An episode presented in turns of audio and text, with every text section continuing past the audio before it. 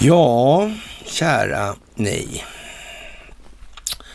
Jallarhornet skallar. Det skallar så att det kommer att brista. Det är konstigt. Ragnarök är i antågande. Vi eh, skriver den eh, nionde mars 2022. Och då minsann, då är det piglördag som det brukar vara mitt i veckan. Det är dags för ett onsdagsmys. Ja, Ragnarök, ja. Ragnarök refererar inom nordisk mytologi till en serie händelser, inklusive en avgörande strid. Jaha. Mm. Som förespås leda till eh, jordens undergång. Och eh, detta innebar, eller innebär många gudar och andra mytologiska personers död. Inklusive Oden, han med Hugin och Munin, de här korparna. Hans allseende öga. Mm. Tor. Den polisiära, repressiva makten. Frej. Fruktbarhetsguden. Den som ser till att det här lever vidare. Heimdall, han som vaktar Bifrost. När jättarna är antågande. Ja, och Lokes falskspelets och intrigens, intrigernas gud. Det är spännande. Ukraina är ett av händelsernas centrum. Ukraina slår in i Sverige. Och i eh, USA så konstaterar man att eh, det här eh, företaget då, eller hackergruppen Rang, Ragnar Locker Ransomware har eh, brutit sig in i nätverken på åtminstone 52 organisationer från en massa olika amerikanska kritiska infrastruktursektorer alltså. Vilken miss av myndigheterna. Eller kan det vara något annat? Kan det vara nästan som namnvalet vore planerat? Kan det vara så? Är det någonting på gång? Vad är det som händer? Ja, det ska vi ta reda på i dagens mys och eh, ni ska som alltid ha det största av tack för allt ni gör. Det är fantastiskt, helt enkelt. Makalöst. Det största av tack för bidrag och gåvor går på Swish och Patreon. Och ett enormt tack för att ni faktiskt fördjupar er och det är ett antal tusentals människor varje dag som är på. Det är jättemycket folk och det är jättebra att se.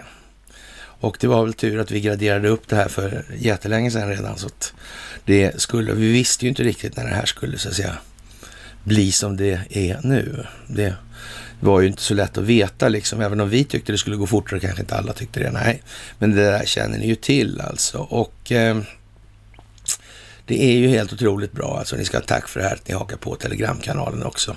Det här med jallarhornet är ju viktigt, men det måste ju spräckas. Alltså, eller som Donald Trump sa då att om sex år är ni borta och eh, sanna mina ord alltså. Nu vräker det på ordentligt. Det är, går alltså inte av för hacken nu på minsta vis alltså. Jaha, och eh, det här med Donald Trump och det här valet alltså, ja. Och den här underlivsporslinske figuren alltså från Delaware, New Sweden. Ja, konstigt där som har låtit sig mutas i massa olika sammanhang i olika länder. Det ser inte så bra ut det där alltså. Nej. Historien med valfusk ser inte så bra ut heller nu. Absolut inte idag och igår. Sämre än någonsin skulle man väl kunna säga. Rent ut sagt. Och det är ett antal nya delstater som Colorado och så vidare som tycker att det här får vi nog fan desertifiera i alla fall alltså. Och som sagt, den konstitutionella för grunden för det, den är inte så lätt att uttala sig om som sagt, även om man kanske till och med har läst lite om amerikanska konstitutionen på universitet och sådär, så är det inte riktigt helt självklart det här och det är ju inte ens självklart för juristerna i USA, alltså vad som egentligen gäller i de här sammanhangen. Men som sagt, det kommer att bli enorma förändringar i det här vad det lider och ni märker ju själva, själva att dramatiken är ju milt uttryckt tilltagande och fast kanske inte på det sättet att det i, i direkta våldsamheter och sådär. Det kanske inte riktigt är så utan det är nog mer att de, eh, ja just det här med, om man gör analogin med de här nordiska gudarna, det verkar vara vissa temaämnen eller vad jag ska säga, som det här går igen på. Ja, det är ju lite speciellt alltså. Och det här är ju en global företeelse också. Ja. Det är en riktig hydra det här som har växt fram under lång tid. Och vad månde bliva? Kommer Sverige undan? Är Sverige ett bra land? Har Sverige haft en medveten och upplyst befolkning som alltid har förstått vad som händer? Eller har det kanske varit på något annat sätt? Kanske det har varit syftet ifrån den politiska ledningen som i sin tur inte är någon ledning utan är bara en vilseledning som verkar på uppdrag av de krafter som egentligen bestämmer. Och i det svenska fallet är det ju alldeles uppenbart vad det handlar om. Det handlar om finansfamiljen Wallenberg och det handlar om bolaget Investor. Det handlar om Knut och Alice Wallenbergs stiftelse och så vidare. Ja, det är väldigt, väldigt speciellt. Och som sagt, det är många människor vill ju kanske inte röra vid de här kärnpunkterna riktigt, eller de grundläggande problemformuleringarna i vart fall. Utan de vill hålla fast vid sina illusioner. Och det är ju ett problem nu. Man kan säga att just nu är den typen av inställning vad som gör det möjligt att höja energipriserna till exempel. Det är oviljan att släppa sina känslogrundande värderingar hos de människor som faktiskt i den delen kramar kulissen. Det finns sossar, det finns moderater, det finns kapitalister, det finns kommunismer, det finns religioner och så vidare som egentligen inte spelar någon som helst roll i sakfrågan. Men det kommer vi tillbaka till. Och för att börja den här parodin lite grann som egentligen pågår framför våra ögon kan vi konstatera att nu är de två stycken Investor-kopplade i topp på WHO. Alltså det är inte bara Tedros från Umeå gensaxiska i Umeå universitet där. Nej, han får sällskap av Tengil helt enkelt. Mm. Det är lite speciellt, på tal om horn och sådana här grejer. Ja, han har ju varit som ett litet horn kan vi väl säga, inte bara i sidan utan han har blåst i horn om det farliga covidiotin. En fullkomligt bottenlöst korkad historia en, ett opinionsbildningsstunt av de ägardirektivstyrda opinionsbildningsmedierna. Och sen är det inte så mycket mer med det. Sen vad det här mynnar ut i för virologiska konsekvenser med tiden, det är liksom en annan fråga. Det är det här som är det primära, för löser vi inte det här, då spelar den andra ingen roll. Så enkelt är det bara. Ja, och eh, som sagt, kontrollen är ju monumental. Och vi vet ju inte riktigt hur mycket man har utnyttjat teknologin till befolkningsmässig kontroll. Det har de ju liksom inte berättat av förklarliga skäl. Och vi kan vara helt säkra att de har använt det i en större utsträck, utsträckning än vad vi är fullt medvetna om. Det är alldeles säkert. Och naturligtvis odlar de massor med myter i det sammanhanget för att förlöjliga de som kommer med de kanske saker som har mer konkret bäring på verkligheten. Så är ju liksom alltid metoden i det här och det måste man komma ihåg nu. Det är viktigt. Det är viktigt. Och sen ska jag slå ett slag för att vi drar ju på turné jag och Conny här.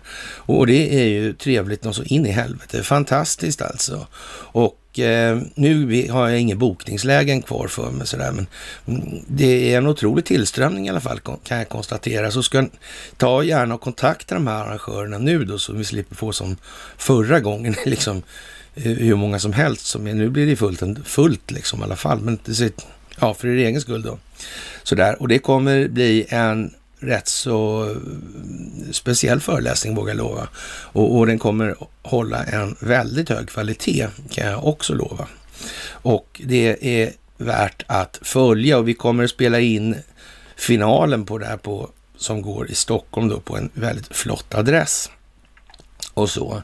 Och eh, ja, det kommer naturligtvis finnas möjlighet, finnas möjlighet att spela in de andra också, men vi kommer att satsa all teknik och sådär på den av, slutliga för, föreläsningen då och hoppas att vi inte gör bort oss allt för jävligt då. Nu brukar inte vi repa så mycket, aldrig en enda sekund, men ändå, vi kan ju så, nu vet ni det.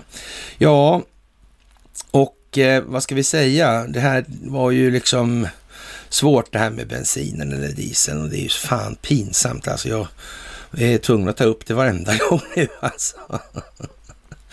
Ja, ja, nu är vi runt 30 spänn här då. då. Det var eh, 26,87 igår på Shell såg jag. Och ja, och det ska ju upp på ett par, tre spänn till här i anslutning till helgen här. Ja, och det är ju som det är. Och det är jättesvårt alltså. Och vad beror det här på liksom? Och för, för folk ser, ser ju att det går upp och de tycker det är dåligt och så, men det är ju inte liksom det som är själva poängen med, med så att säga, det här i folkbildningsprojekt, utan det är ju för att folk ska liksom tänka efter. Vad är, vad är egentligen produktion? Är det så att produktionskostnaderna har förändrats? Vad är det för kostnader som motiverar det här egentligen? För samhället är ju liksom kritiskt beroende av det här. Så hur, hur liksom fungerar den här prisbildningsmekanismen egentligen? Det är ju lite speciellt och det här gäller ju över hela västvärlden märkligt nog. Mm, det är konstigt. Är det så att de, är det slut på oljan och det finns för mycket pengar så de liksom konkurrerar om att köpa den här oljan så in i helvete? Eller hur, hur fan blir det egentligen? Mm, det är konstigt. Han sa det, Joe, Biden, eller underlivsporslinet här, det gäller att sänka producentkostnaderna nu alltså. Jaha. Mm, ja, jag vet inte, det är någonting som inte lirar här riktigt. Vad kan det vara? Och underlivsporslinet är ju bra på det sättet, för han tar ju bort en del av abstraktionen i det här och gör det liksom, vänder på det så att man, människor ska kunna förstå det här. Han gör ju inte det kanske med någon eh, utpräglad glädje i alla lägen, det kan man nog inte tänka sig. Men det är viktigt, han fyller ett väldigt bra pedagogiskt syfte med sitt beteende nu, det får man ge honom alltså. Och eh, Joe Biden kom vara i Fort Worth igår och eh, vad ska du göra om sti åt de stigande drivmedelspriserna här under porslin, skrek en reporter. Ja, de kommer att gå upp. Jag kan inte göra så mycket just nu. Eh, Ryssland är ansvaret, säger han då. Okej. Okay. Och vi hade det exemplet igår. Det innebär alltså att eftersom priset är rätt mycket lägre i Danmark till exempel, om det kostar 13-14 spänn där nu. Mm. Vi har ju särklass högsta priset på jorden. Mm. Och det där ska man liksom bli, där måste man börja ana vad det är för någonting. Det här med ja, nordisk mytologi och New Sweden och det är liksom, det är på något vis en anstrykning, en äcklig, klibbig, jag vet inte vad liksom. Så gör, det är ju konstigt det här egentligen alltså. Ja, det är som sagt, tidigare på tisdagen igår alltså meddelade Joe Biden att USA kommer att förbjuda rysk oljeimport. Det passar man på att göra då innan Ryssland gjorde det omvända, förbjöd rysk oljeexport till USA och västvärlden. Ja, och man vill ju gärna från rysk sida säga att det kanske inte har så mycket med, eh, ja, vad ska vi säga, Eh, Vladimir Putin eller Kreml eller Ukraina att göra det här alltså. Men om man tar bort, eller tar bort eh, så att säga, försäljningen dit, exporten, då får vi, man väl kanske se om priset går upp eller ner utifrån det då. Mm. Sen är det en annan detalj med det här också som har med 1971 att göra när man lämnade guldmyntfoten helt då för amerikanskt vidkommande. Richard Nixon gjorde det. Och då måste man alltså få till någon annan form av bas på det här och då vart det glatt värre skulle man kunna säga som göteborgare kanske när man satte foten på oljan. Ja, och petrodollarn blev liksom mera tekniskt belagd då, eller illusionsmässigt i vart fall. Mm. Men hur många enheter valuta kan det egentligen gå åt för att, att beskriva en volymenhet olja, eller en given volymenhet olja ska jag säga, utan att valutans värdebeskrivande funktion havererar trovärdighetsmässigt. Det där är ett litet aber faktiskt i systemet, helt säkert. Och det handlar ju om det här systemet, det valutafinansiella systemet inom ekonomin, de här 15 procenten av det kalla kriget, höll jag på att säga, men det moderna kriget. Men man kan ju, om man är lite elak kan man ju säga att det har att göra med det kalla kriget det är också som allting annat.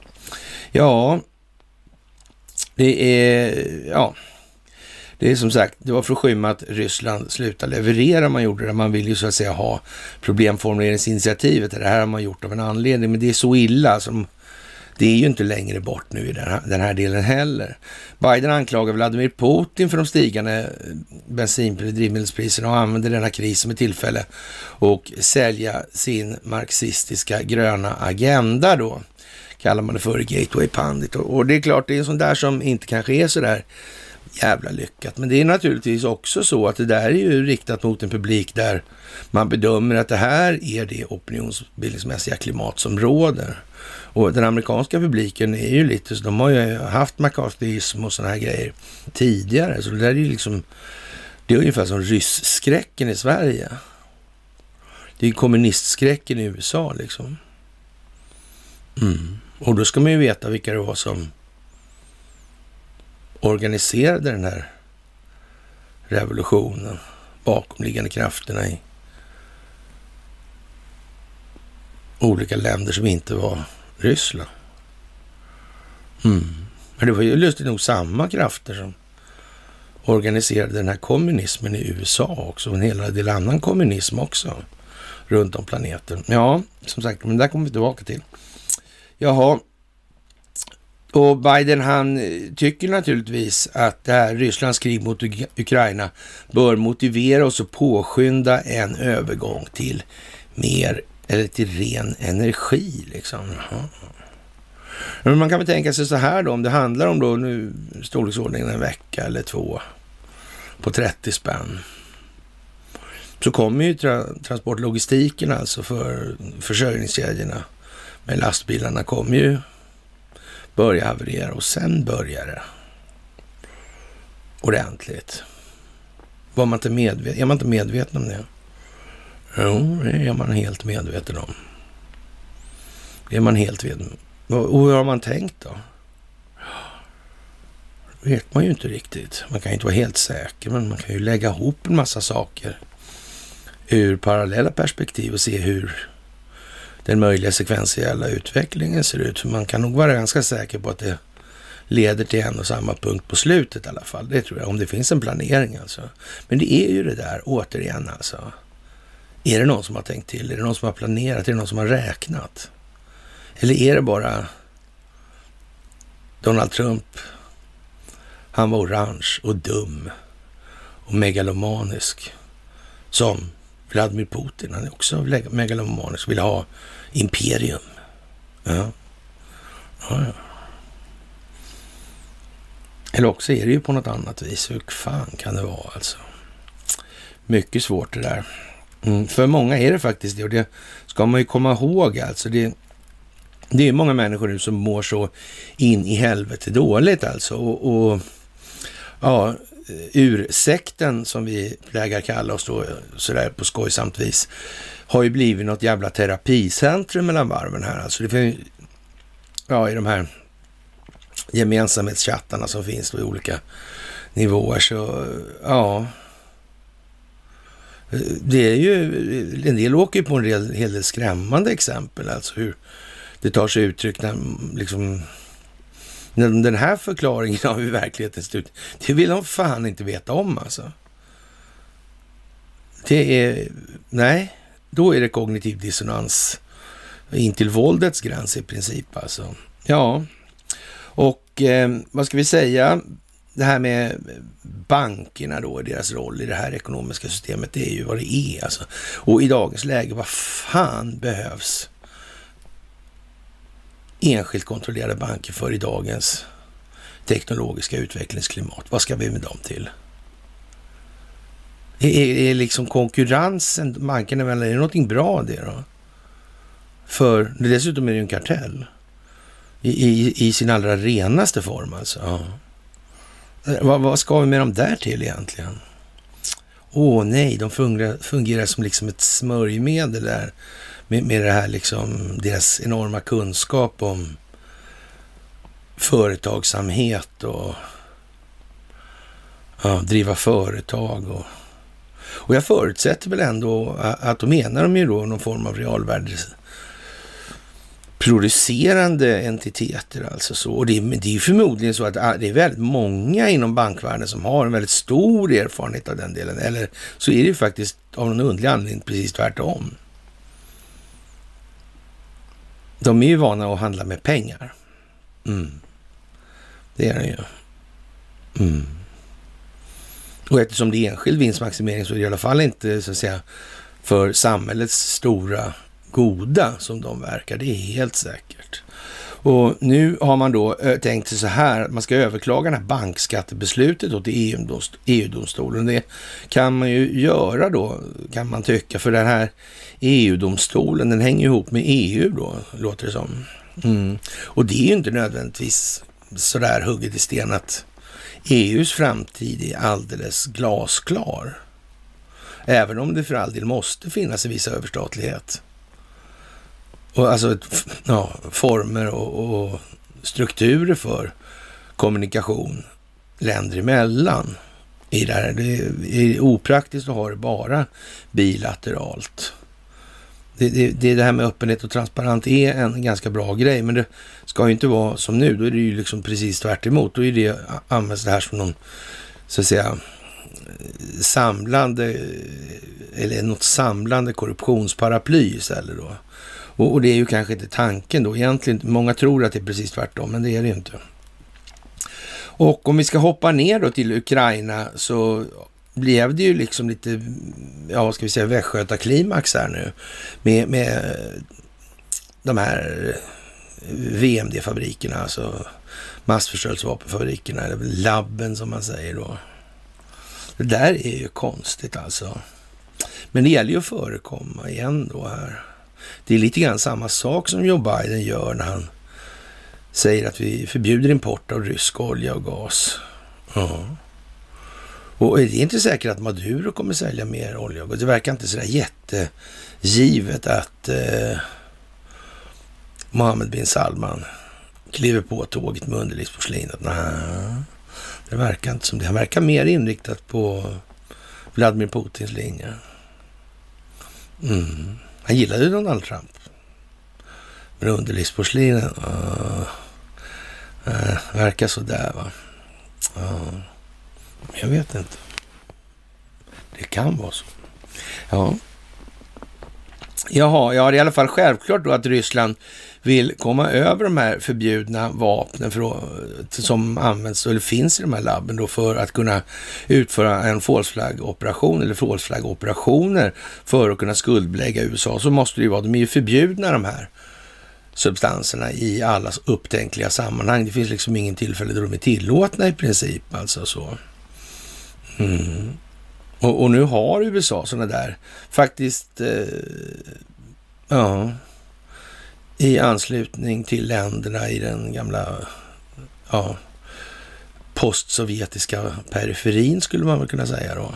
Och det är ju lite anmärkningsvärt kan man ju tycka då kanske. Och tidigare har det ryska försvarsministeriet sagt att eh, noga har övervakat biovapenprogrammen som utvecklas av Pentagon i de postsovjetiska länderna, i synnerhet bildades ett nätverk av mer än 30 biologiska laboratorier på Ukrainas territorium enligt nya rön. Victoria Nuland, utrikesminister för politiska frågor, erkände på tisdagen, alltså igår, att Ukraina är värd för vad hon kallade biologiska forskningsanläggningar och tillade att USA är oroligt att de kan komma under kontroll av ryska styrkor. Och det kan man ju tänka sig att de bör vara. Men, anledningen är ju knappast att eh, Vladimir Putin ska sätta de här substanserna på någon slags bärare och sen skicka iväg dem någonstans. Det, det, det är inte riktigt trovärdigt. Det här är ju något annat alltså. Och, och det verkar ligga mer av farans riktning att man har liksom patogener och sådär. Och vem vet alltså om inte den här covidiotin kan ha något samröre i de här sammanhangen. Mm. Ja, ja. Och, och jag vet inte, de här globala, en sån här global pandemi nu då. Och Tegnell, han blev väl någon slags hövding för det där med global pandemibekämpning, om man missförstod det helt. Alltså två sådana här Investorgökar, Tedros och han då. Samtidigt som de här labben avslöjas i Ukraina. Tänk vad konstigt. Alltså det man, det man kan säga i det här läget är ju så här alltså också, man ska vara lite torr och tråkig nu då, så kan jag säga så här. Jag är tråkig annars också, men nu ännu tråkigare då kan man säga så här. Det är fan helt otroligt alltså att den jävla buskisteatern som man har kört med de här Agenda 77 och, och medeltidsödlornas återuppståndelse eller kreaturens återuppståndelse eller vad fan det nu är för någonting alltså att det ens får något fäst och skapar något moment. Det är ta med fan illavarslande. Men det är ju lika illavarslande som det här med eh, energipriserna alltså. Folk vill inte fatta vad det handlar om helt enkelt. Priset sätts politiskt, punkt slut. Det är alltså produktionskostnaden är ju försumbar. Och nu har vi kommit till den punkten, nu väver ju allting in i varandra. Det är ju liksom inget svårt att se alls. Fast det går ju inte att missa nu. Jaha, och eh, ja, Ukraina har biologiska forskningsanläggningar som vi i själva verket nu är ganska oroade över att ryska styrkor försöker få kontroll över, säger hon alltså. Vi arbetar med ukrainarna om hur de ska förhindra att några av de här forskningsmaterialen faller i händerna på ryska styrkor om ja, de närmar sig då, då och sa Nolan under senatsutfrågningarna om Ukraina igår då. Men då erkänner de förekomsten av de här helt plötsligt. De var ju, det var ju bara konspirationsteorier här bara för några dygn sedan. Och, och svenska medier har inte precis skrik, skrikit sig blå här nu. Nej. Hur fan kommer det sig att CIA är med och finansierar sånt här? Det är ju konstigt helt enkelt. Det skulle kunna vara någonting annat och mera, ja, vad ska man säga, sinistert kanske är nog bra ord där, ja kan det vara sinistert. Mm. Ja, det ryska försvarsministeriet publicerar nyligen dokument som visar att Kiev fick order att skyndsamt eliminera spår av det som kallades ett biologiskt vapenprogram. Alltså. Till och med spåren alltså. Jaha. Man fick, man fick alltså inte, man skulle alltså inte veta att de hade, de hade ingenting att dölja i något sammanhang eller så, men, men, men man måste ta bort spåren. Jaha. Men ja, det låter ju lite som att det var någonting man ville dölja då i alla fall om man ska ta bort spåren. Faktiskt. Mm, ja, det där är ju väldigt konstigt. Jaha, och, och jag vet inte liksom Ja. Skyndsamt eliminera, ja, jag vet inte. Ja. Det låter ju väldigt märkligt helt enkelt, ja. Dokumentation mottogs från Ukrainska biologiska forskningslaboratoriet om den akuta förstörelsen av farliga patogener den 24 februari, inklusive sådana blyga, liksom, små oförargliga saker som mjältbrand, kolera och pest då, i vad som kan vara en mörkläggning av BTVC-konventionen, alltså Biological and Toxic Weapons Convention. Och nu analyseras dokumenten av militära specialister från de ryska strålnings styrkorna då, kemiska och biologiska skyddsstyrkorna, så, sa det ministertalesman Igor Konashenkov och tillade att Pentagon har upplevt svårigheter att fortsätta sina hemlighetsfulla biologiska experiment i och med starten av den ryska specialoperationen i Ukraina. Ja, det tog ju vara eh, rätt så vidimerat i och med att man har skickat ut den här grejen. Det, det tog ju vara liksom färdigsnackat i den ändan och därmed är den här konspirationsteorin då ingen konspirationsteori utan det är alltså vederlagd konspirationsfakta. De har konspirerat, de har hållit på, de försöker dölja och mörklägga. Det tog det vara rätt så klart. Vad säger svenska medier om det här? Alltså någonstans måste man ju ändå tycka att ja, men nu får vi väl ändå en förskjutning i någon form här i den här saken, alltså när det gäller vad folk kommer tycka och tänka. Men problemet är nu alltså det, eh, precis som jag var inne på förra gången, alltså det är det är alltså inte blåslampa i arslet som gäller. Alltså det kommer inte nu, nu, de som är kvar nu på så att säga den sidan där man inte bör vara nu när i förändringstider. De kan man ju säga så här, de, blir inte, de är inte alls betjänta av att någon försöker hugga ner dem med Torshammar i huvudet liksom. Det är inte så. Det gäller att vara ännu mjukare nu i det här. Men det är bara jag som får sitta och skrävla och hålla på så här. För det är otrevligt och ja, självgodheten bara lyser, tycker de då. Det får de tycka nu alltså. Ja, det är de, vad som sker på bredden som spelar roll alltså. Så är det. Och jag är jävligt glad för att det är som det är det här. Fantastiskt. Fantastiskt. Det här med att lära sig tålamod. Det är bara att fundera över hur mycket tålamod man måste lära sig om man börjar med att tro att det räcker med att berätta om Ivar Kryger. Ja, ni ser ju. Jaha, och eh, ja, det är enligt Konasjenko utvecklades den här, de här anläggningarna komponenter för biologiska vapen. I och med starten av speciell militär operation Pentagon allvarliga farhågor om att avslöjas för utförandet av hemliga biologiska experiment på Ukrainas territorium, sa han. För att förhindra att det ukrainska hälsoministeriet avslöjar fakta om kränkning av artikel 1 i FNs konvention om förbud mot bakteriologiska vapen och toxinvapen från det ukrainska hälsoministeriet skickades instruktioner om brådskande eliminering av lagrade mängder av farliga patogener till alla biolaboratorier, sa Konasjenko. Inom en snar framtid kommer, minsa, kommer ministeriet att släppa sin analys av de här mottagna dokumenten. Och det vore väl märkligt om de inte hade så att säga skaffat praktiska, eller så att säga faktiska substanser i någon omfattning och form redan tidigare i det här. Det är naturligtvis alltid så i de här sammanhangen när de har spelat sådana här spel, underrättelsetjänstspel, då har man ju så att säga planlagt upplösningen av det här också. Och, och, när då de kommer med ett motargument så har de inte koll på vad som så att säga, nästa informationssändning har för värdeladdning. Och sen spelar man bort dem på så vis hela tiden. Och eh, kontroverser har länge omringat alla biologiska anläggningar av denna typ som etablerades i Georgien, Kazakstan, Uzbekistan och Tadzjikistan efter Sovjetunionens kollaps. Det finns annat i de här länderna också faktiskt, om man ska vara lite näsig sådär, och, och eftersom det är blågula Ukraina där då menar jag. Mm.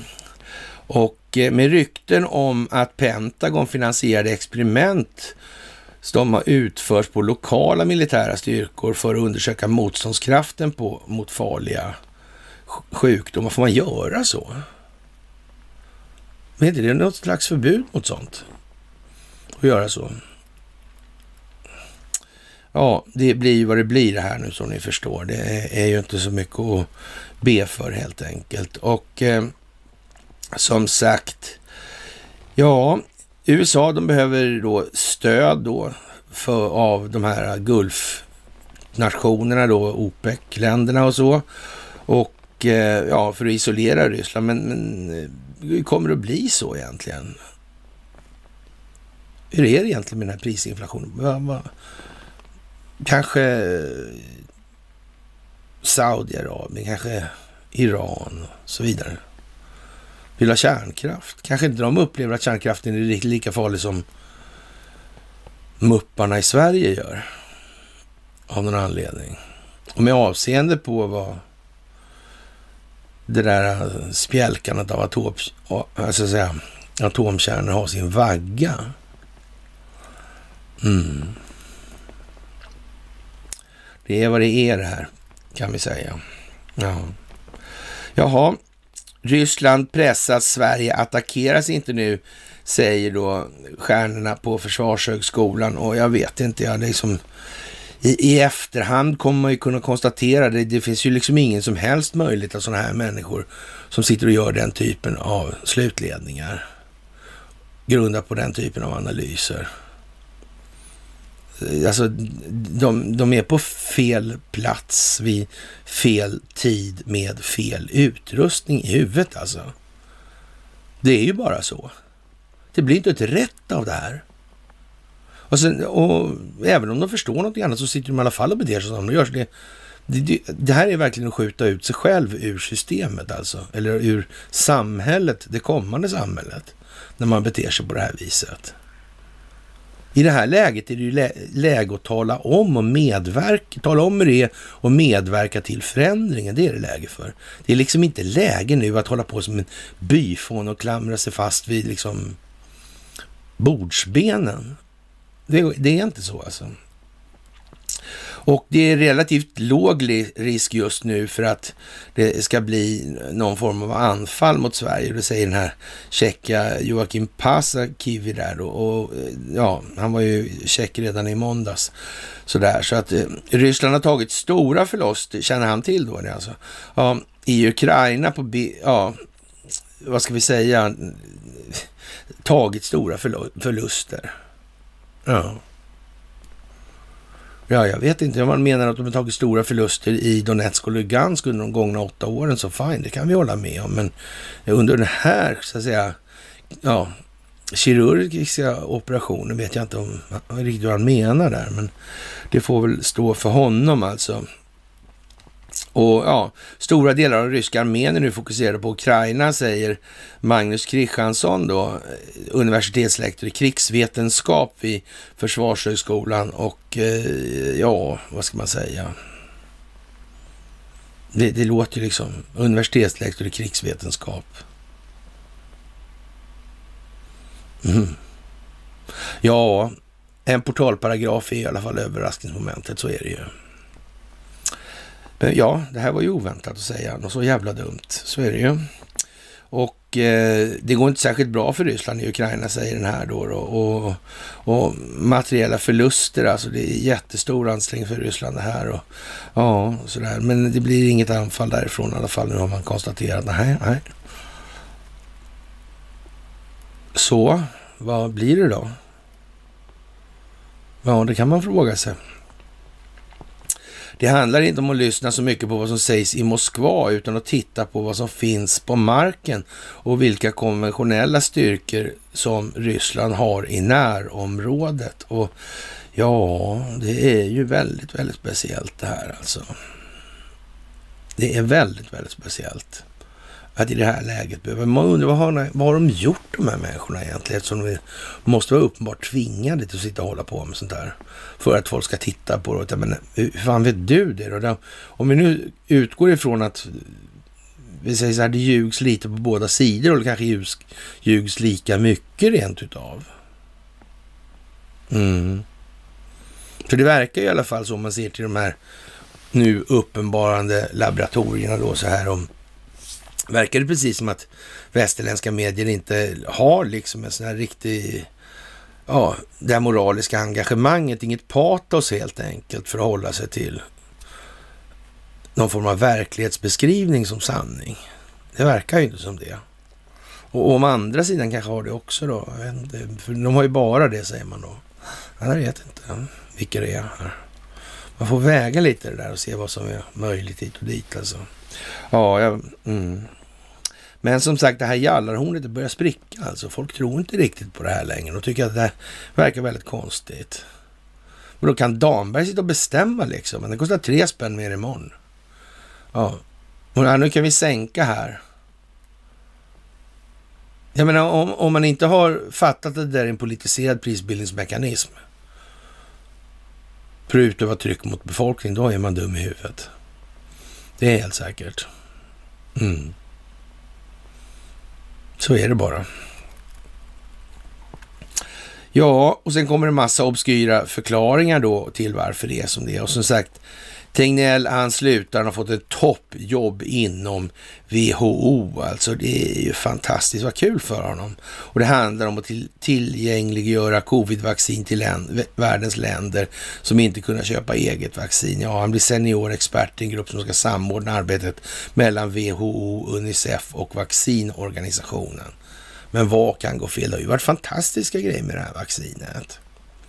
Och just nu också, när de här biolabben avslöjas.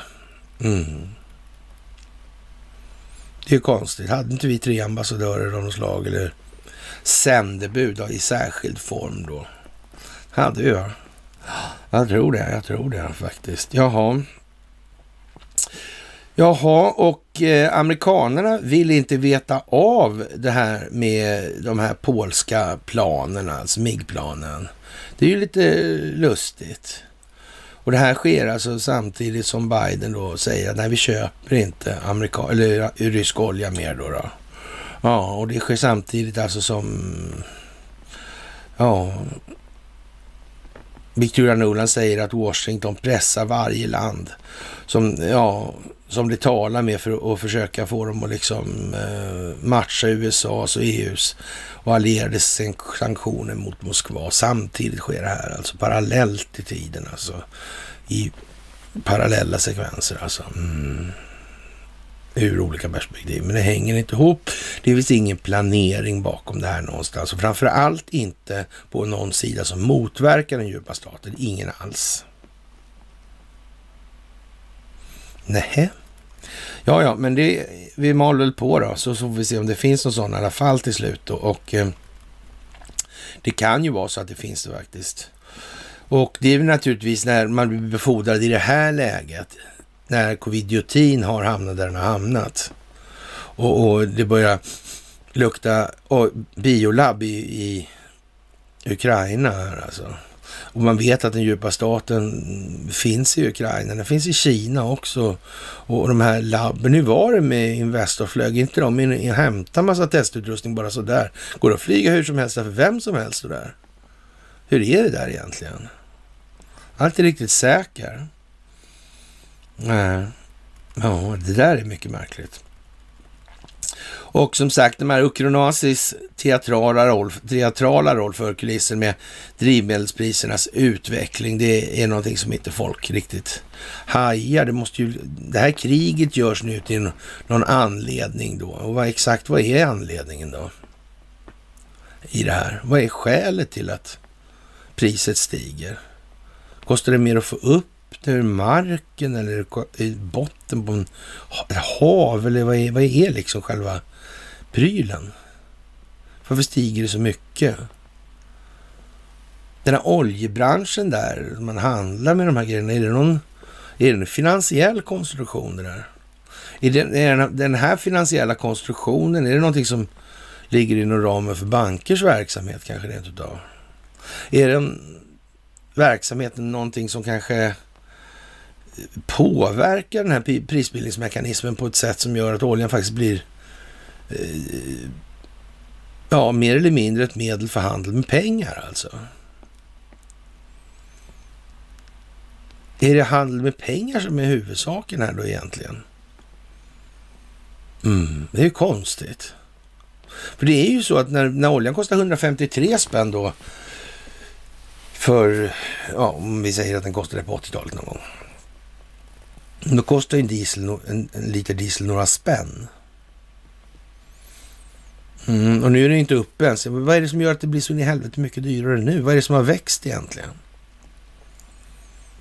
Är det transporterna? Är det mycket jobbigare att ta upp den i marken? Är det svårare tillgänglighet? Eller är det någonting annat? Eller kanske har teknologin till och med gått framåt på så sätt? Den är mer effektiv nu. Och I så fall borde det bli billigare ju. Då är ni med stordriftsfördelar alltså. Det borde det bli. Det där är väldigt konstigt egentligen. Det här är just det som det måste till nu här. Det måste... Vad fan, det går ju inte. Och jag menar på 30 spänn liten, ja då är det liksom... Då är det kort tid. Då är det inte läge att sitta och... Då har man inte problem med vad som händer i, i Ryssland eller med miljön och sådana grejer. Då har man problem med överlevnaden på kort sikt, alltså med mat.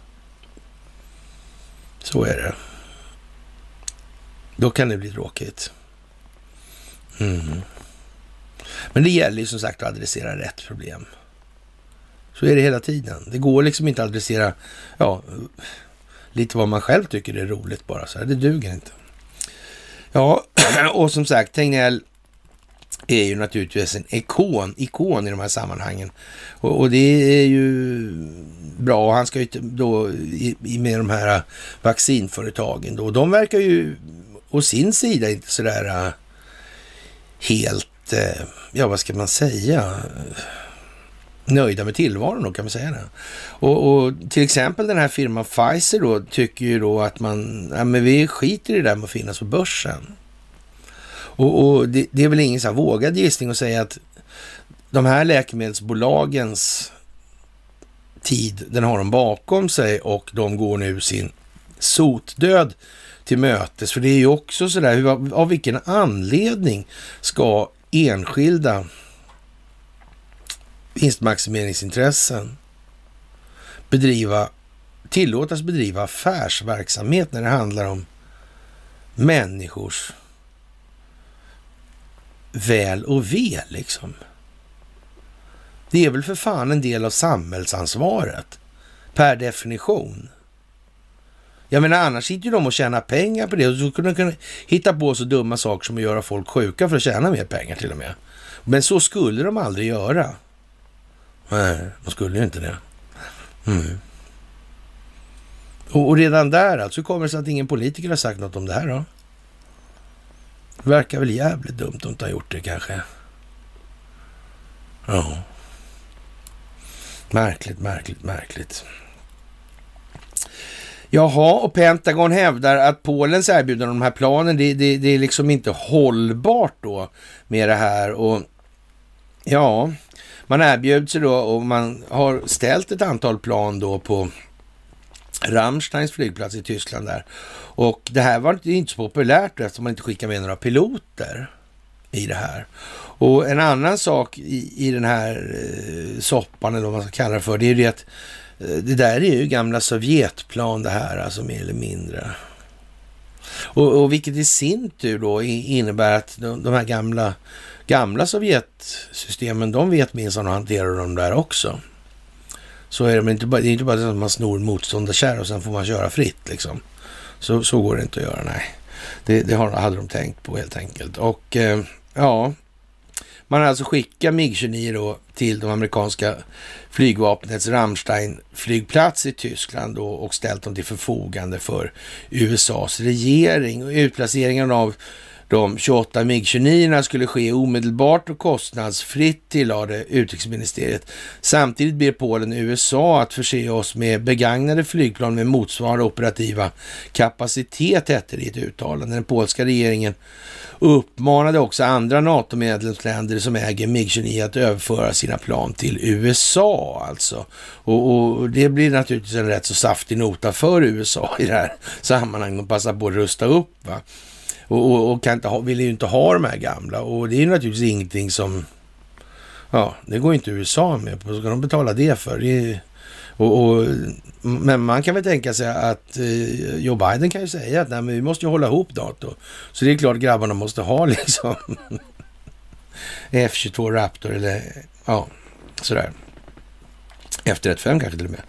Jaha, i ett uttalande sent den 8 mars av Pentagons pressekreterare John F. Kirby perspektivet att stridsflygplan till Förenta Staternas regeringsförfogande avgår från en amerikansk NATO-bas i Tyskland för att flyga in i luftrummet eh, som bestrids av Ryssland och om Ukraina väcker allvarlig oro för hela NATO-alliansen. Och det kan man ju säga är väl blygt sagt i och för sig då, men det var roligt gjort av Polen ändå alltså. Men som sagt, återigen, det här handlar om de här stora prylarna som vi har sagt att de övergripande strukturerna som EU, som NATO och så vidare, de är lite eljest otidsenliga faktiskt. Sådär nu. Ja, sådär. Och Eh, det är inte helt klart för oss och att det, det, finns en saklig motivering för det här då. Vi kommer att fortsätta att samråda med Polen och våra NATO-allierade om den här frågan och de svåra logistiska utmaningar den ger. Men vi tror inte att Polens förslag är hållbart, sa han då lite diplomatiskt för att inte det här ska smälla på en gång då. Vi måste ju ta det här i delar, va, som man äter elefant. Och, och, som en del börjar förstå här nu, att det är ju liksom så vi måste göra här. Vi måste ta det här i steg alltså. Det är viktigt här nu. Och eh, ja, Eh, vi har sagt beslut, alltså som vi har sagt, Eh, beslutet om huruvida polska plan ska överföras till Ukraina är i slutändan ett för den polska regeringen, noterar han då lite sådär torrt. Vi kommer att fortsätta att samråda med våra allierade och partners om vårt pågående säkerhetsbestånd till Ukraina, för i själva verket visar Polens förslag bara några av de, de komplexiteter som denna fråga uppvisar. Och det är klart att det är ju viljan det kommer an på. Det ska man väl ha klart för sig att alla analysavdelningarna på alla militärstaber i de här så att säga NATO-länderna är ju inte totalt hopplösa intellektuellt. De ser ju vad det här, det, alltså, det består inte bara av svenskar. Utan det finns ju många människor som förstår att ja, nu är det nog så här. Va? Att det, det kommer att bli så där. Och, och liksom, det finns ingenting att göra åt. Det kan inte bli på något som helst annat vis i det här. Ja, trevligt i alla fall. Och eh, det är ju liksom eh, tidigare den 8 mars berättade vice utrikesministern för politiska frågor Victoria Nolan för lagstiftare om den polska regeringens tillkännagivande om att skicka stridsflygplan att eh, ja, man inte hade rådfrågats i förväg då. Och det här är ju liksom, jag sa nej då så. Då fanns det väl flera viljor och några kanske tyckte man skulle snacka. Några kanske inte gjorde det, jag vet inte. Det kan vara så i alla fall. Ja. Hon sa att hon fick reda på förslaget när hon körde för att vittna om Ukraina-krisen inför senatens utrikesutskott. Ja, man skulle nästan kunna drista sig till att säga så här. Eh, lite förvånande verkar det ändå om inte, eh, ja, med hänsyn taget till, eh, ja, vad ska jag säga, track recordet på Robert Kagan och henne. Det måste vara alltså det är Bill Browder-varning på det där helt enkelt. Han som anmälde Swedbank där alltså. Som har snott jättemycket pengar ifrån Ryssland med den här Hermitagefonden. Fuck EU liksom. Mm. Ja, ja, men eh, det måste ju se ut. Det handlar om optiken. Det här handlar om optiken. Och medan det för all del då även på andra sidan, det kan ju vara som med Bill Burr till exempel, att det här med ja, kompartmentalisering då, alltså man gör små celler av det här. Då. Alltså, de får sin uppgift, ska göra den och sen så ja, har de gjort den och ja, så fattar de inte det andra så blir de tvungna att kommentera det andra och sen så då blir det som det blir. Då. Och det kan ju vara så. Naturligtvis är det så. Man, man arbetar i möjligaste mån eftersom det är need to know basing oavsett hur högt upp man befinner sig. Det är bara så. Ja, och eh, enligt eh, ja, förslaget skulle Polen leverera de här stridsflygplanen till USAs bas i Tyskland där de skulle målas om och flygas till ett land som inte tillhör NATO utanför EU då ukrainska piloter skulle sen komma för att flyga dem till Ukraina. Och, och, det kan man ju säga, så verkar det ju inte ha blivit då. Men det var ju hennes idé om att det skulle bli. Och det, redan där så tycker man väl vad pratsam hon var. Alltså. Det kanske var det, det är dumt att säga de där grejerna. Får, det ger ju vissa indikationer, eller det ger klara belägg för det. Om, vi, om man nu ska ta, hon får inte ljuga sådär helt och hållet i de här sammanhangen. Alltså för det är förenat med viss straffansvar då. då. Och eh, ja, USAs utrikesminister Anthony Blinken sa den 6 mars i en intervju med CBS News att förslaget får grönt ljus då, men det blev ju lite annorlunda. USAs och FNs ambassadör Linda Thomas Greenfield upp upprepade också budskapet samma dag under en intervju på ABC. Vi har varit i nära samråd med den polska regeringen såväl som med våra andra NATO-allierade i denna fråga. Jaha, vi har inte på något sätt motsatt oss den polska regeringen tillhandahåller dessa jetplan till Ukraina och vi arbetar som ni noterar för att se hur vi kan fylla på de här då. då. Mm. Men man sa hon inte att det skulle målas om där? Det sa hon va? MIG 29. Men sådana har ju faktiskt Ryssland. Mhm. Just ja. Sådana har ju faktiskt Ryssland. Mm. Kanske var därför Polen gjorde som de gjorde. De kanske visste att någon annan visste. Kan det vara så? För om de hade blivit ryska helt plötsligt. Mm. Ja, det hade väl varit speciellt, hade det inte det? Får man nästan säga va? Det tidigare NATO-medlemmarna i, Sovjet, i Sovjetblocket, Bulgarien och Slovakien har också fortfarande Sovjettillverkade stridsflygplan i sina flygvapen. Ja, det är flera sådana här mm, omflaggningsmöjligheter alltså. Eh, det ukrainska parlamentet hävdade tidigare den första mars att Polen, Slovakien och Bulgarien skickade över sina rysktillverkade MIG-29. Bulgariens och Slovakiens försvarstjänstemän har sedan dess klargjort att de inte planerade att göra sådana donationer. Jaha, det där verkar ju vara väldigt konstigt. Och, och hon var väldigt mån om att förklara att det här med, med, med de här eh, uh, biolabben alltså. Ja, det är någonting som är konstigt. Alltså hon sa, det, är det någon, blir det något sånt där uh, kemiskt eller biologiskt, alltså då, då, är, det, då är det Ryssland. Aha. Konstigt. Ja, ja, ja, ja, ja. Ja, det går bra. Det går bra för Investorsfären, det är bara så. Familjen Erling Persson, eh, ja, familjen Erling Perssons stiftelse donerar 150 miljoner till drabbade i Ukraina, står det i Dagens Juridik idag. Och, och, det är väl aldrig på så vis på något vis att man har eh, begått några försyndelser i olika sammanhang och de här eh, ja, stiftelserna, de får nog faktiskt finnas i att det eh, ska råda räfst och rättarting nu här. Ur ett moraliskt perspektiv, alltså inte ur ett enskilt vinstmaximeringsperspektiv som plägar har varit det ledande tankesättet under ja, överskådliga tider i de här sammanhangen för de här familjerna. Mm. Det är ju lite udda får man nog säga, faktiskt. Rädda Barnen genom Röda Korset. Ja, det är Jo hej du Persson, tyckte någon om det. Det låter, ja, i ljuset av MBS av att MBS lierade Vladimir Putin river petrodollar nu då, som sagt, och eh, därmed dollar som världshandelsvaluta, så kan man ju undra lite försynt om verkligen alla de här skådisarna, inte minst de svenska, då kommer att palla med det här spelet hela vägen. För det kommer ju bli, alltså de kommer ju inte kunna gå ut på gatan. Det finns ju inte en möjlighet alltså. Det finns inte en möjlighet. Och man, alltså samma, ja vad ska vi säga,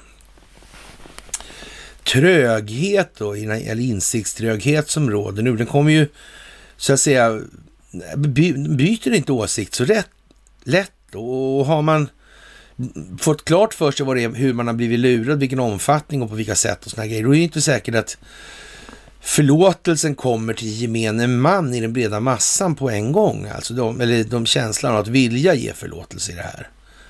Det är ju liksom, ja, här har de gjort sig pinsamma, eh, fan så det räcker och ja. Ja, det är, nu är det lite speciellt det här måste man säga. Alltså. Jaha, mm. Den saudiarabiska kronprin, kronprin, kronprinsen, ska jag säga, Mohammed bin Salman och Sheikh Mohammed bin Zayed al Nahyan från Förenade Arabemiratet avböjde de amerikanska förfrågningarna från Vita huset alltså och tala med president Joe Biden under de senaste veckorna, rapporterar Wall Street Journal helt plötsligt. Med hänvisning till amerikanska tjänstemän. Alltså det fanns en viss förväntan på ett telefonsamtal, men det hände inte helt enkelt som amerikansk tjänsteman till tidningen. Det var en del att, att slå på tappen, ja, på, på den här saudiska oljan. Det blev inget av med det då. Det var konstigt och det som vi sa, är de så jävla entusiastiska här, i de här sammanhangen? Eh, har de någonting som heter Saudi Ericsson förresten? Jag, jag vet inte. Det. Förenade Arabemiraten, har de någon koppling till sådana här saker? Har de några jävla sådana här äh, korpar som flyger och kraxar och tittar?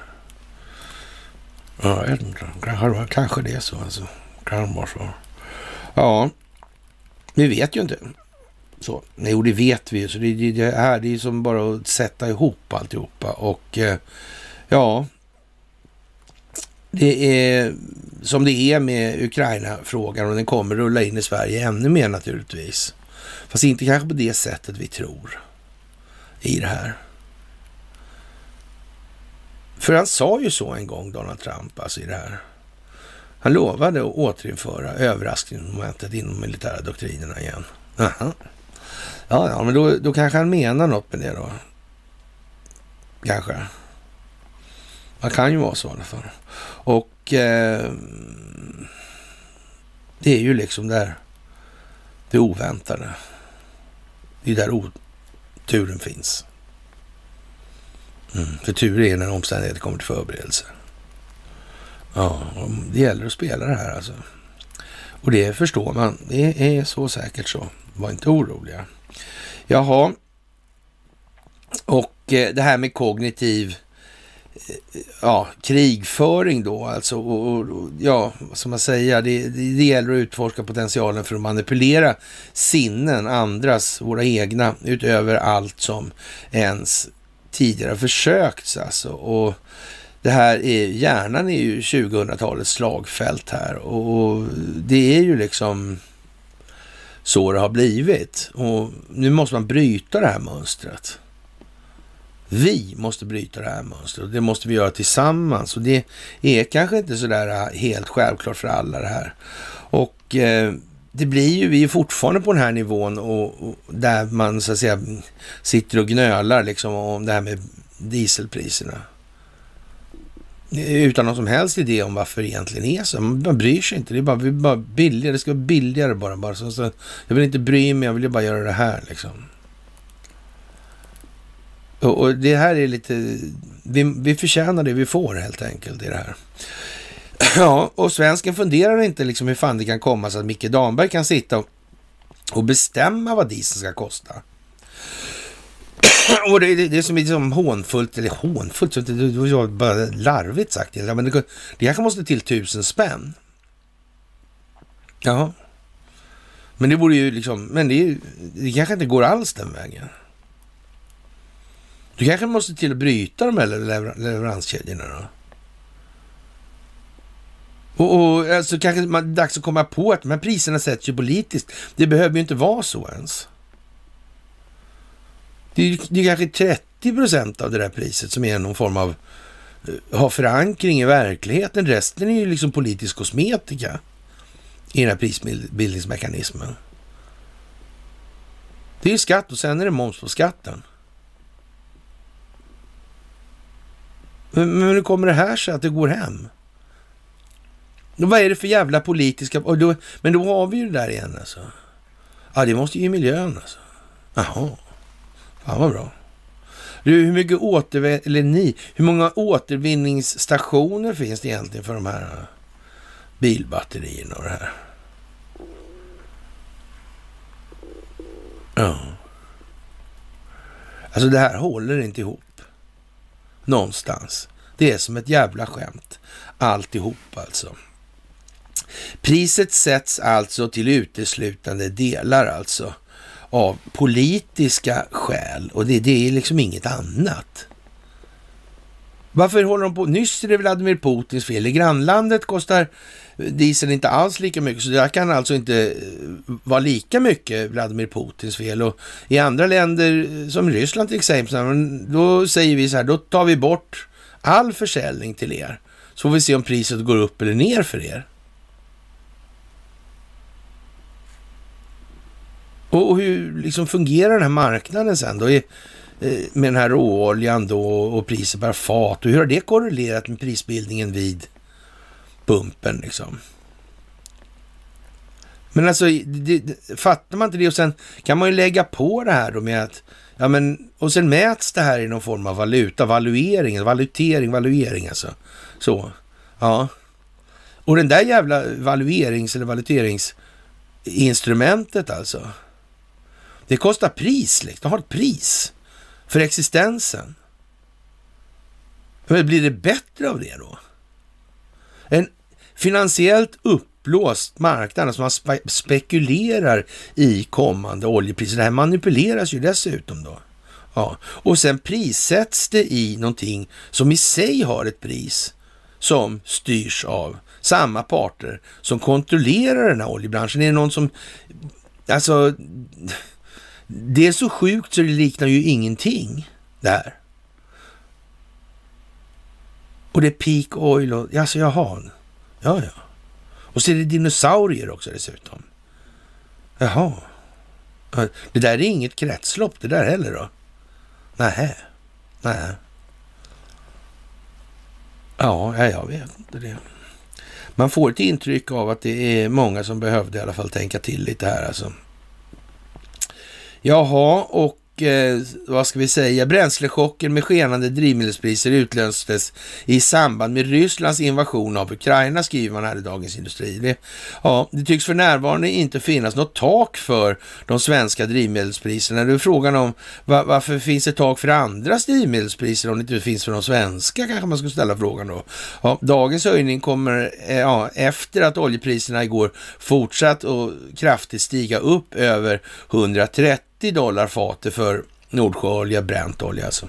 Som de rapporterar har de rekordhöga drivmedelspriserna väckt stor oro och starka krav från bland annat flera partier på att regeringen vidtar åtgärder för att mildra effekterna från allt från företag och ibland annat transport och taxibranschen och lantbrukare till privatbilisterna då. Och finansminister Mikael Damberg öppnar måndag för bland annat ett reformerat reseavdrag liksom. Och, och, och, så att säga, det är då man känner lite avsaknad av en tegelsten när man ser det där. Men det får man inte hålla på med.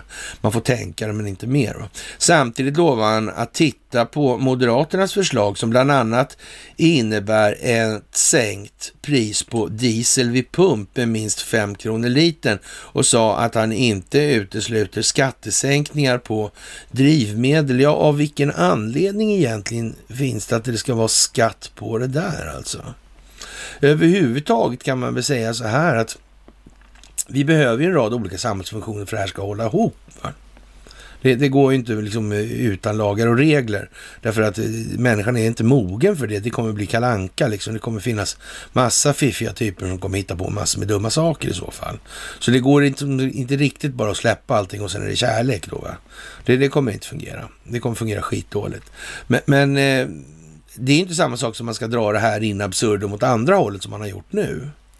Utan det här måste ju vara en stegvis utveckling som vanligt i elefanten, alltså lagom tugger med frihet efterhand som befolkningen mognar och får ett, ett större medvetet medvetande, alltså en större förståelse för de känslogrundande värderingarnas fundament alltså. Vad beror det här på? Varför tänker jag och känner jag så här? Är det rimligt ens? Med avseende på hur verkligheten faktiskt ser ut. Och sen hela tiden konstaterar då att ja, nej, nu har jag haft lite snett igen här och nu måste jag ta ett steg till i, i tanken här alltså. Och, och så knallar man på längs vägen då, livets väg alltså. I det här där resan faktiskt är målet. Just det här med att utvecklas. Och eh, ja, speciellt som fan skulle man väl kunna säga. Och de här jävla marionettfigurerna då nere i Ukraina med Ukronasis alltså.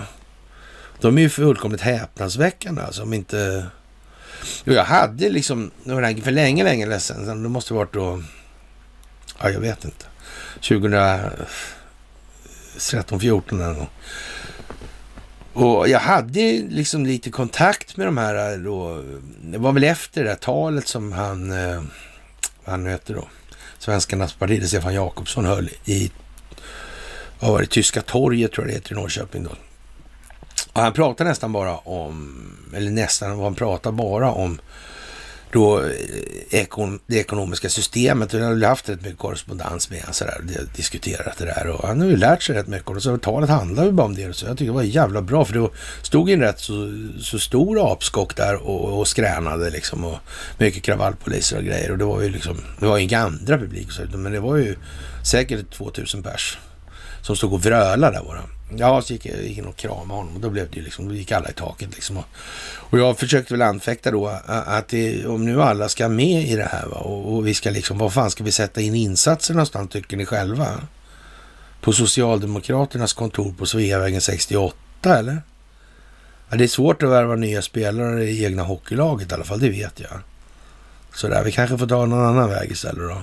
Nej, det vill de inte höra talas om. Och då blev ju alla arga igen då. Och så där har det ju hållit på då liksom. Man, man, men man är ju tvungen att göra så där.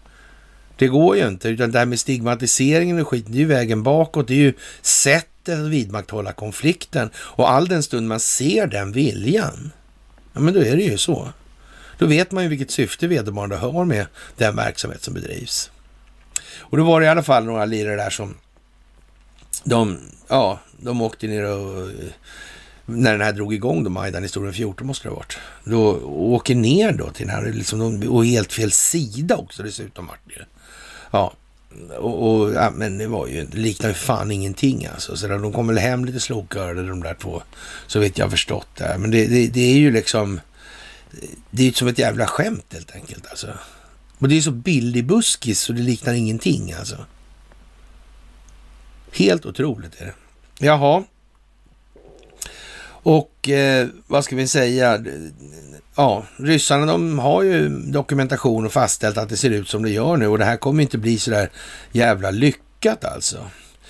Saab får 164 miljoner av australiensiska eller australiska regeringen för att Saab ska växa i landet. Som sagt, vad är det här? Vad är, går ut på? Är det opinionsbildning på något vis? Det här? Mm. Kockums, ubåtar i det här. Mm. Five Eyes, Ericsson. Mm. Kan ha bäring på situationen i Washington. Kan ha bäring på situationen i det amerikanska presidentvalet 2020 kan ha bäring på det brittiska kungahuset. Kan det vara så? Ja, det kan det vara. Det är så faktiskt. Jaha, och eh, det här med djupa statens verksamhet, det är ju någonting som inte alla tycker är eh, något sådär jättebra överallt. Man, man, kan väl säga så här nu, man, om man tittar på det här när Ygeman dyker upp. Ygeman, alla länder och kommuner måste ha ansvar för flyktingströmmarna. Det är jävla angeläget det där med flyktingströmmarna. Det är liksom hela tiden ett dubbelspel på något vis. Det går ut, vi måste ha hit flyktingarna av flera olika skäl, inte minst de ekonomiska. Ja. Det är underligt att det ska behöva vara på det viset. Ja, Sverige ska bara ta lite ansvar här och där liksom. Ja. Ja, ja, det är konstigt som fan. Det är ju så. Vi har en rätt så speciell tid framför oss, det får man ju säga. Och vad det ska bli av det här, det kan vi ju inte liksom riktigt säga. För man kan väl tänka sig att andra länder kanske inte är så våldsamt intresserade av att vi har för stor handlingsfrihet som befolkning betraktat. Det har ju visat sig gå ganska illa för omvärlden när det är så. Så vi får nog finna oss i att bli rätt beskurna i den delen. Det, det tog det ligga i sakens natur. Va? Och eh, man kan väl säga så här, rysk oligark huvudägare i ett svenskt bolag som anlitats av svenska myndigheter under de senaste åren. De här eh, ryska oligarkerna och situationen uppe i Sundsvall och här, hur är det där egentligen? Det är märkligt, är det inte? Tycker jag. Men, men, det är som det är. Jaha, och om åkeribranschen stannar vid 30 spänn liter så svälter vi ihjäl då alltså. Det gör vi innan ryssen kommer, det är alldeles säkert. Och varför, varför är inte folk oroliga för det där då ens? De bara gnäller ju på att det är dyrt, sen händer det ju ingenting. Men, men det är skitfarligt med, med att Vladimir Putin och de reguljära delarna av den ryska statsmakten ta bort de här biokemfabrikerna för VMD alltså. Mm. Det är jävligt farligt. Ja, hur fan blev det så här? Hur fan blev det så här helt enkelt? Ja, ursäkta. McDonalds, Starbucks och Coca-Cola drar sig ur Ryssland. Jaha, vad synd då.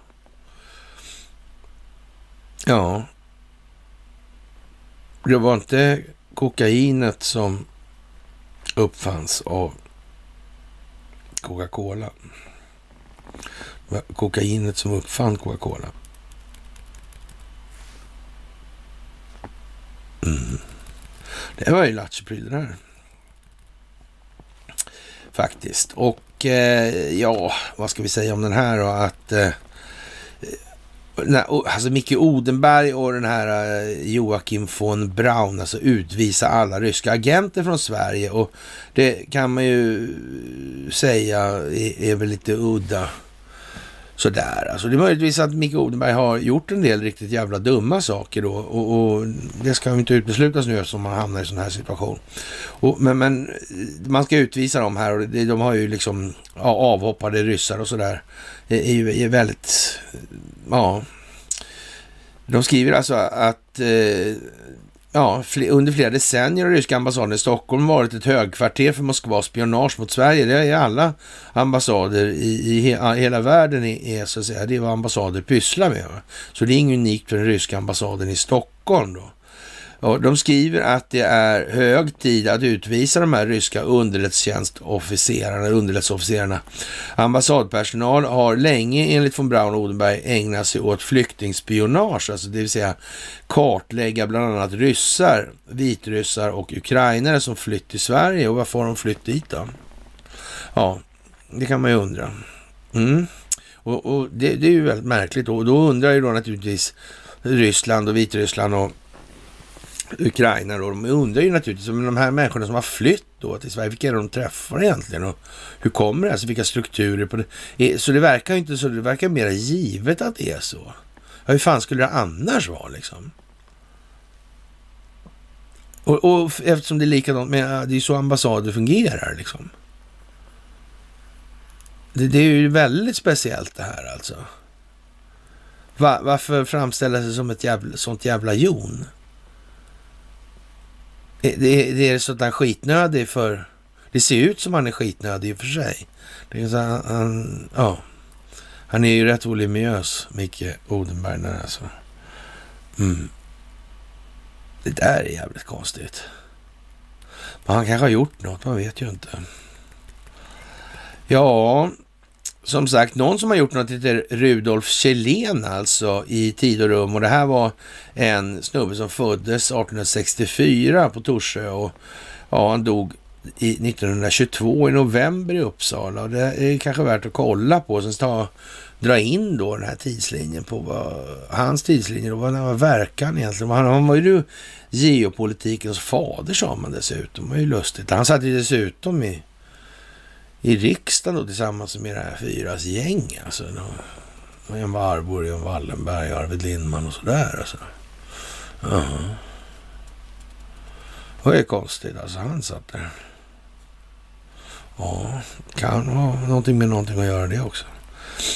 Ja, och eh, sådana som har påverkats av den här Chilen då, eh, det kan man väl säga så här att att det var Gunnar Myrdal till exempel. Alltså, det är sådär lite konstigt och, och ja.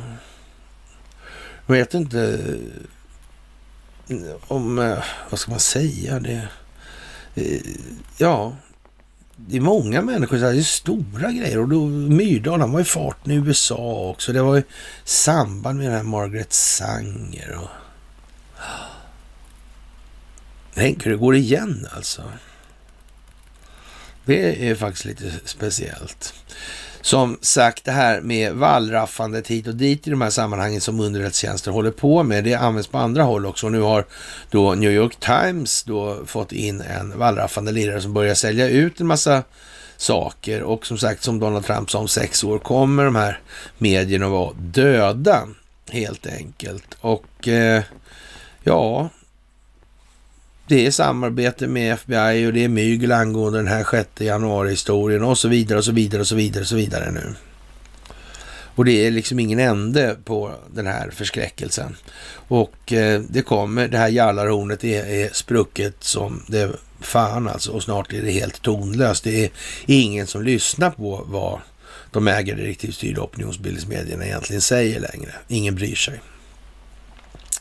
Jaha, och vidare då så kan man ju tycka någonstans att eh, det här erkännandet då med att det finns sådana här eh, biologiska laboratorium som inte fanns alls. det var ju som bara skitsnack här förleden. Mm. Ja, men när, när räcker det? Men de här kommer som sagt inte, de kommer inte lägga sig ner och, och vänta på att dö. Alltså det, det som sagt, det verkar ju lite speciellt. Kina har lokaliserat att USA har 336 labb i 30 länder under sin kontroll, inklusive då 26 påstår de att man har i Ukraina och det här vill ju gärna Kina veta vad det är för någonting helt enkelt. Det verkar ju jättemärkligt eh, att det håller på med sånt som det uppges här alltså. Det får man ju faktiskt inte göra så ja, whatever liksom. Och som sagt, anledning till att man är rädda, den är, kan bara vara vad den är helt enkelt. Sådär så att ja. Jaha, och eh, det där är ju liksom inte sådär supersmått alltså. Och, och ja, det, det kommer ju någonstans att tvinga fram ett brytningsläge i opinionen. Så är det ju. Jag menar om man håller på med sådana då på gränsen till Ryssland. Om man dessutom håller på med, alltså, ja. Det är helt enkelt vad det är. Sådär. Och jag tror, jag tror, inte, jag tror inte heller att det här kommer ja, bli så jävla hopp hopplöst på det viset alltså. Och det här med att rösta om att vara med i NATO, det är ju liksom... Det, varför då? Är det med där som måste med för, för att nå vissa opinionsbildningseffekter, då är det ju så liksom. Det har inte att göra med röstandet. Det, ja, det ska ju ändå visas nu för befolkningen i allmänhet att vi faktiskt aldrig har haft någon förmåga att påverka ett jävla skit om någonting någon gång. Det är ju bara så. Och, och sen är det inte inget svårare än så alltså. Och Lena Melin drar då en lans liksom för det här då, att folkomröstning om NATO, glöm det snabbt liksom. Ja, det är alla frågor avgörs inte nödvändigtvis bäst i en folkomröstning som statsminister Magdalena Andersson uttryckte saken. Ja, risken att svenska folket röstar fel finns och det får inte hända. Nej. I Aftonbladet Lena Melin alltså nu. Så ni hänger med på det här. Det är ju liksom sådär. Ja, och det är ju faktiskt återigen som skrivit massor med gånger, skrivit sådana artiklar om hur det själsliga tillståndet påverkas och så vidare och så vidare i de här sammanhangen. Jag tänkte läsa några rader om det här med insektströgheten och bedrägeriet mot oss själva och det är uppenbart inte sällan nervpåfrestande att leva i det här historiska ögonblicket vi lever nu i då. Och av en episk kulturellt vändpunkt kan vi kalla det för. Och särskilt när den stora stönande psykosociala skräppråmen där till industriell civilisation inte vänder sig tillräckligt snabbt. Alltså man vill ju liksom, fan alltså. Men eh, det, ja, det går inte snabbt nog alltså. Ja, när du vet så väl att den ovillkorligen måste och man ändå står kvar där på samma plats och känner sig naken och, och skäms lite för de här ja, mörka, men, men visst numera då den här världsbilden då som man håller på och förmedlar och, och sina noggranna förberedelser för en svår samtid och sina föraktfulla, hånfulla och fnissande släktingar då som påminner varje dag om det här, vilken konspirationsdåre man är och så vidare och, och ska vi inte prata om något roligt och så vidare, som oroar sig för de här samverkande parallella och sekventiella tendenserna av händelser alltså. Ja, det är ju som det är här där ute. Det finns värre saker i livet än att vara i exakt rätt tid på schema. Timing är inte allt den här gången. Tålamod är allt nu. Det här går dit det ska. Det här finns planerat. Så. Och det är ingen idé att driva på. Det är som jag sa, det driver sig själv nu. Mm. Man bygger bara motstånd genom att driva på för hårt nu. Och eh, motorvägarna surrar fortfarande med trafik och så vidare och vi vet ju inte hur långt det här behöver drivas. Men det är klart att det, det ser ju inte så här superljust ut om man tittar till eller sitta, titta på den allmänna förståelsen för det här med Ukraina, utvecklingen där. Alltså det, ja, släktingarna hör av sig med gråten i halsen och, och, och ja, blir det krig, blir det krig liksom. Aha. Ja. Men vad spelar det för roll, ska man svara då? Ja, vad, vadå, vad, vad spelar det för roll? Jo, men det spelar ju ingen roll när man har pratat om det här tidigare. Då kan vi ändå inte påverka någonting. Och vad är det du ska på, tror du ska påverka nu då? Nu vill inte prata om det där andra som vi pratade om då, och då, för det kan vi ändå inte påverka. Vad är det du tror att du ska påverka om det här? Ja, så. Ungefär. Det är de här långa själsliga artiklarna, de finns ju många som helst, som vi samlade på bloggen om ni tittar uppe i, i gardinerna där någonstans, så finns det alltså exakt hur mycket som helst sånt alltså.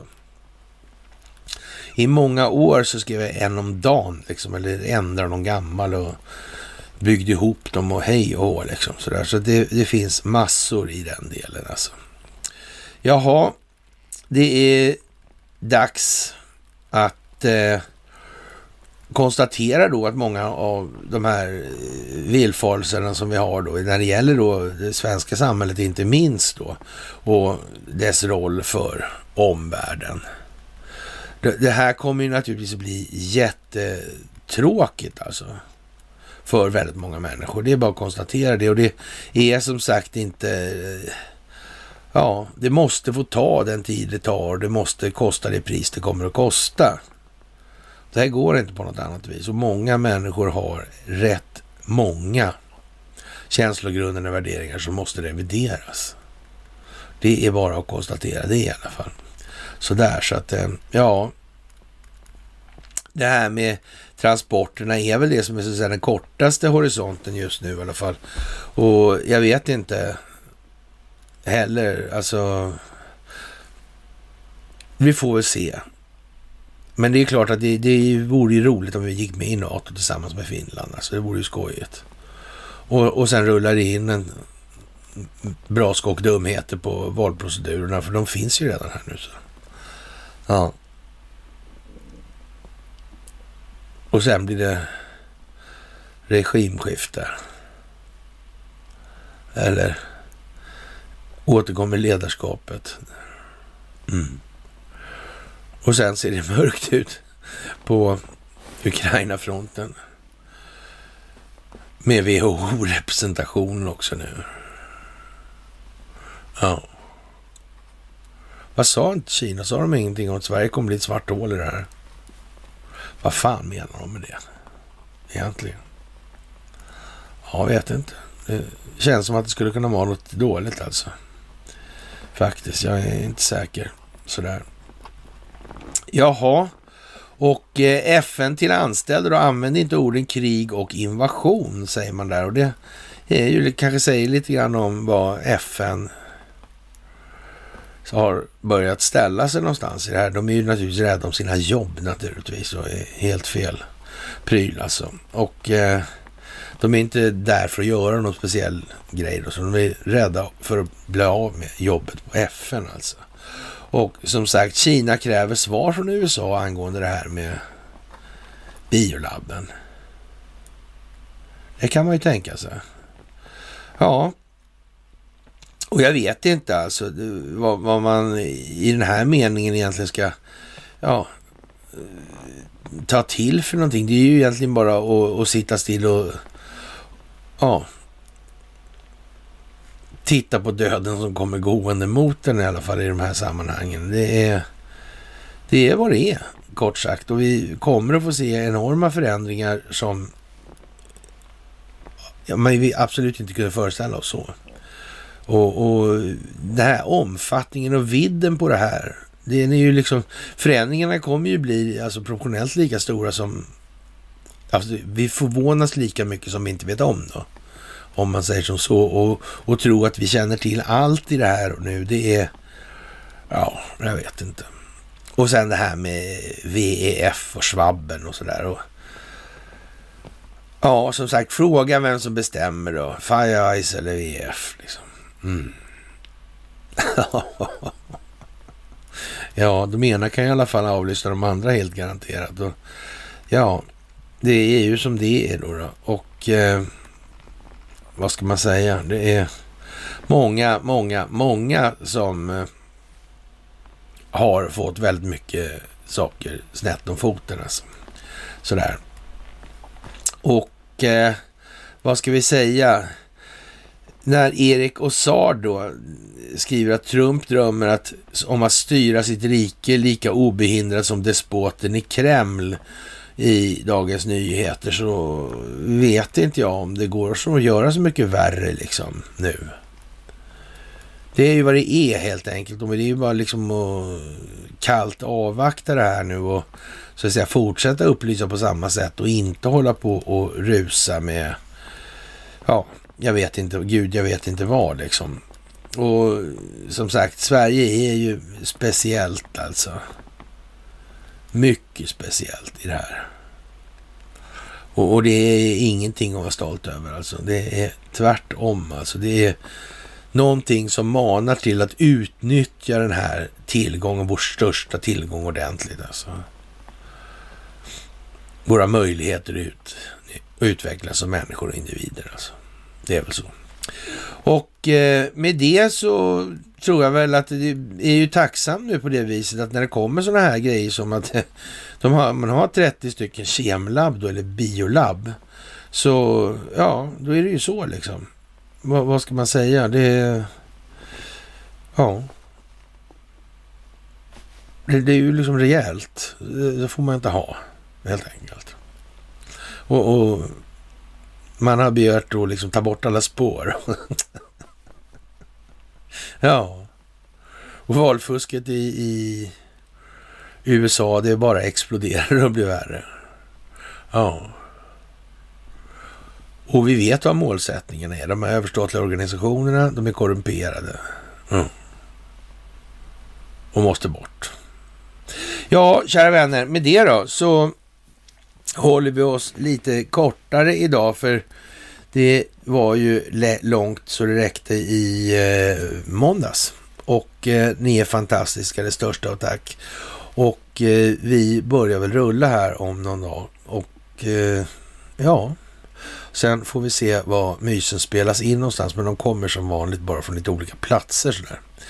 Och eh, ja, jag får väl eh, önska herrskapet en trevlig piglördag då, då.